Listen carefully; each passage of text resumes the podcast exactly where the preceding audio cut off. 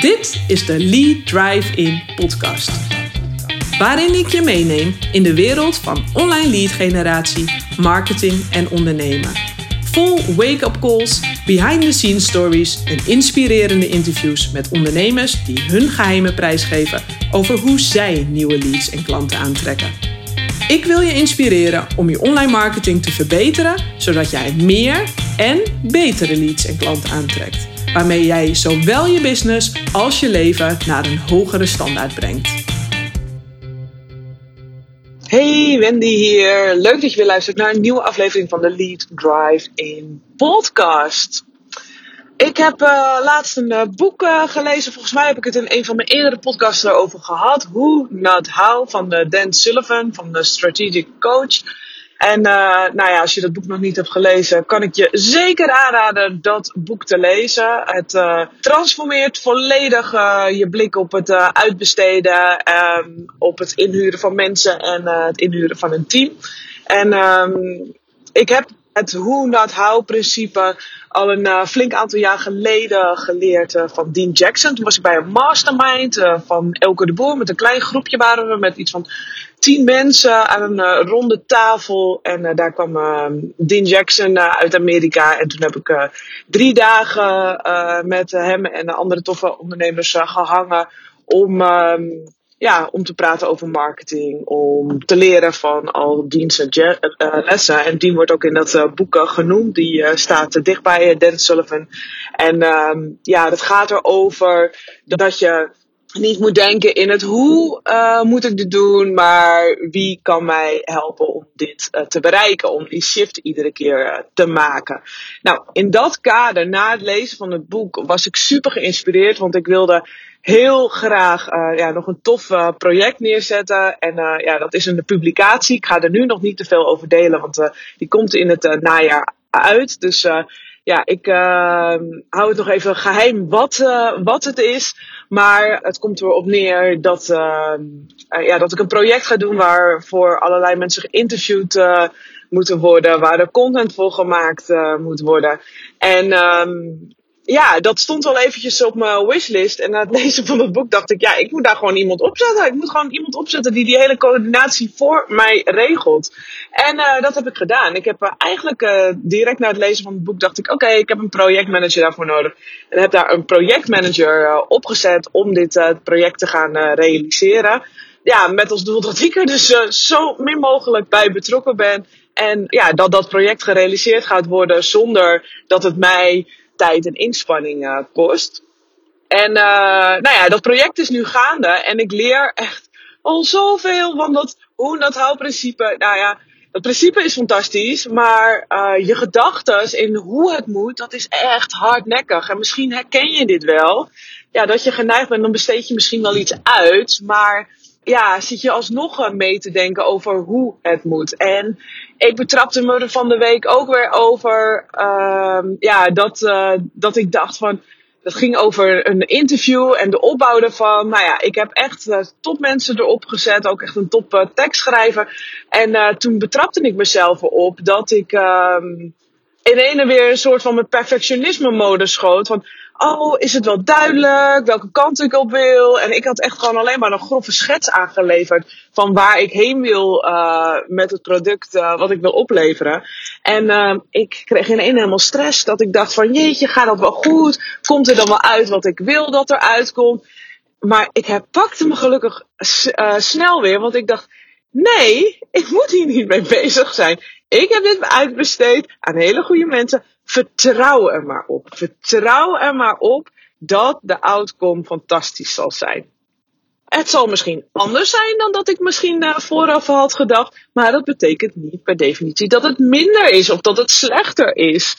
En dat is echt een trap. Ik vind dit echt een spel van continu daarin schakelen. En nu betrapte ik mezelf er echt op dat ik dacht, oeh, daar ging ik al bijna weer. Bijna zat ik me er dus weer mee te bemoeien. Dan ga je er bijna weer tussen zitten. Terwijl ik hoef mijn tijd en energie daar helemaal niet aan te besteden. Ik heb het helemaal, dat hele project, uitbesteed. Maar dat is dus zoiets hardnekkig. En uh, ja, uiteraard ga ik er in het einde, uh, weet je wel, beoordeel ik het uh, eindresultaat. Maar ik hoef me nu er totaal, totaal niet mee te bemoeien.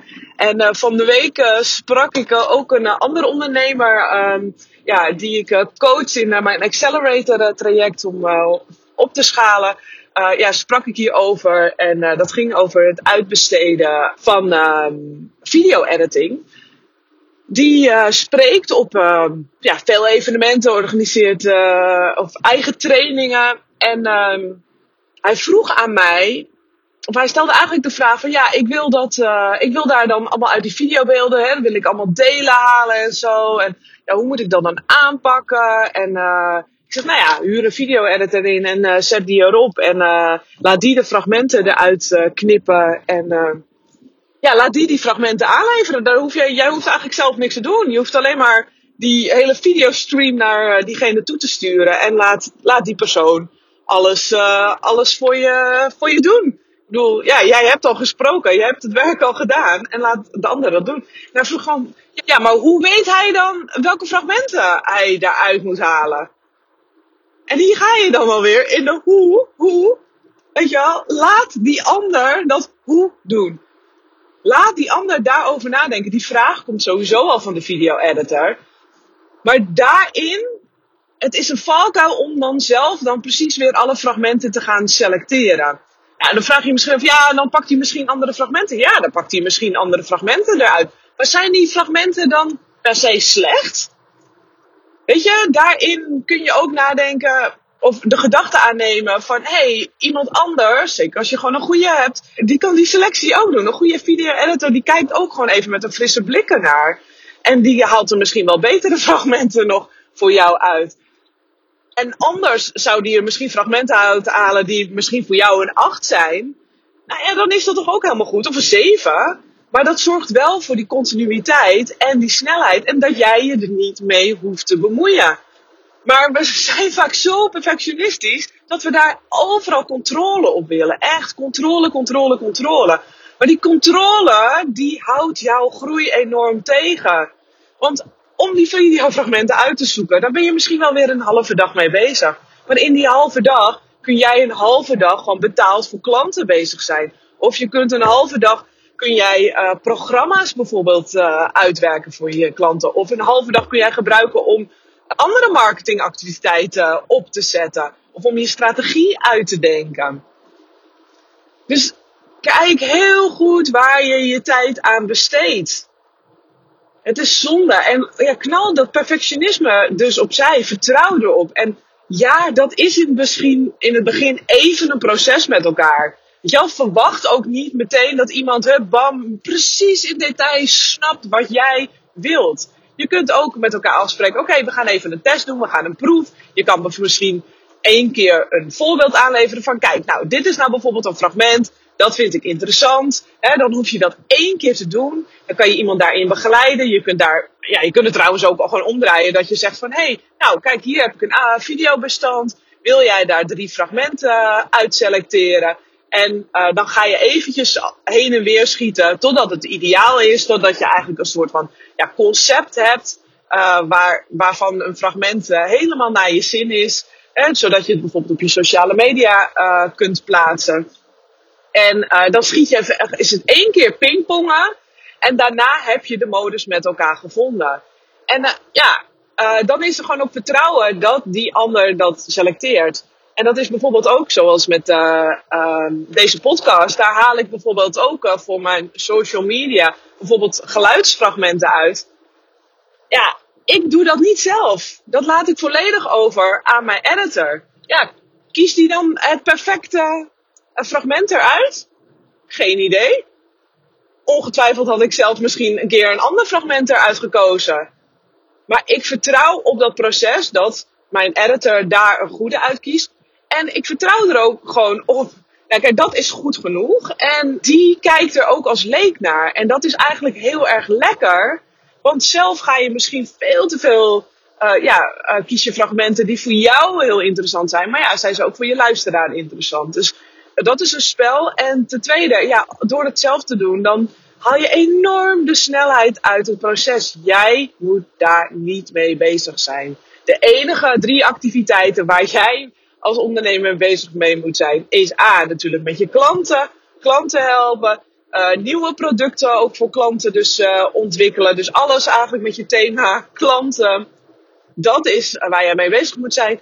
Ten tweede, met salesactiviteiten. Hoe kun je ervoor zorgen dat je meer verkoopt? En het derde, marketing welke marketingactiviteiten kun je doen om meer nieuwe klanten aan te trekken en hoe kun je dat op een slimme manier realiseren.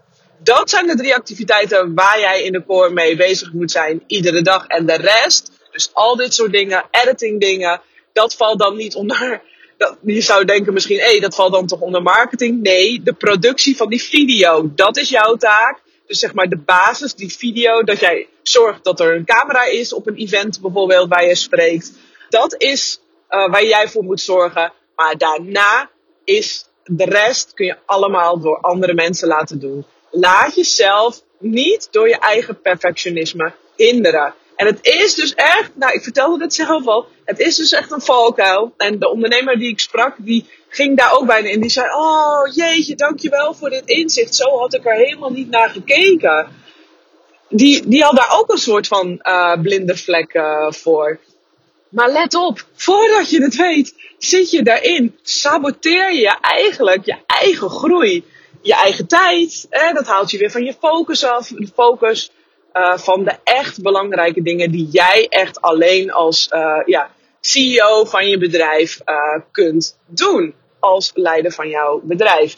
Dus ja, dit is wat ik je wil meegeven. Het is een constante reis. Dit is continu iets checken van: hey, is dit iets wat ik moet doen? Of kan ik dit aan een ander overlaten?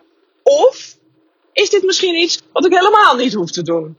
Want niet alles wat op je bordje komt, of niet alle aanvragen die binnenkomen, hoef jij te doen. Hè? Dus daar kun je ook een selectie in maken. Draag dit bij aan je doelen. Draag dit aan, bij aan een groter doel vraag dat voor jezelf af. En kijk ook heel kritisch naar van, is dit iets van, ja, wil ik dit zelf doen? Ja, oké.